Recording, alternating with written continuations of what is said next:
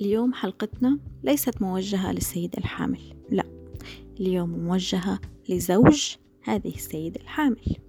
عزيزي الزوج لازم تعرف أنه زوجتك بعد الولادة بتمر بتغيرات عاصفة على مستوى الهرمونات ووظائف المخ والحالة المزاجية. ممكن توصل فيها لاكتئاب حاد لذلك خليك عنصر فعال وداعم إلها بهي المرحلة بدل ما تزود أعباء النفسية. دورك مهم جدا. لدعم أسرتك الصغيرة وزوجتك اللي خارجة من إرهاق بدني ونفسي وداخلة على مرحلة تعب ومسؤولية عن كائن جديد متطلب ومعتمد عليها كليا. ادعمها ادعمها بالقول والفعل.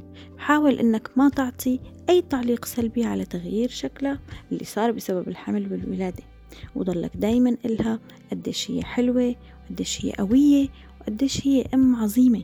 ورح تقدر تهتم بحالها وبالمولود كتير منيح. إلها إنك جنبها وإنك رح تساعدها بالعناية بالبيبي بكل شي بخصه ومداح الطفل قدامها كتير وحسسها بفرحتك إنه صرتوا عيلة صغيرة فيها كل الدفى والأمان.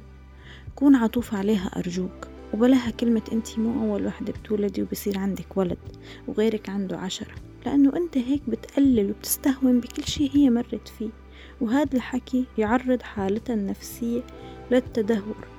كون حذر وتأكد أنه ما في أي تجربة ولادة أو أمومة مثل الثاني واكتئاب الولادة منتشر جدا وجميع الأطباء حول العالم بتحذر منه لأنه ممكن يدفع المرأة أنها تؤذي نفسها أو تؤذي طفلها. تذكر دائما أن الأمومة مو سهلة أبدا لذلك كون أنت أب وزوج مسؤول.